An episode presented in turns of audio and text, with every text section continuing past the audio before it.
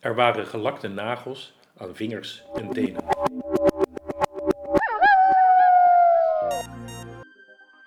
die één voor één aan de dorens van de struik. Alsof het punaises zijn in de nokbak van mijn kamer. Zo langzaam drukt ze.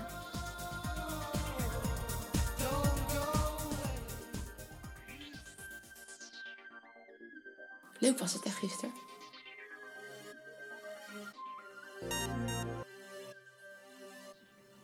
Ik doe alsof ik het op zijn minst normaal vind dat ze niet meer kan lopen.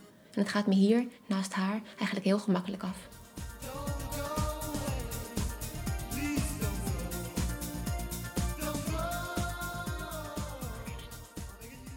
Zelfs die lip is inmiddels gewoon een lip.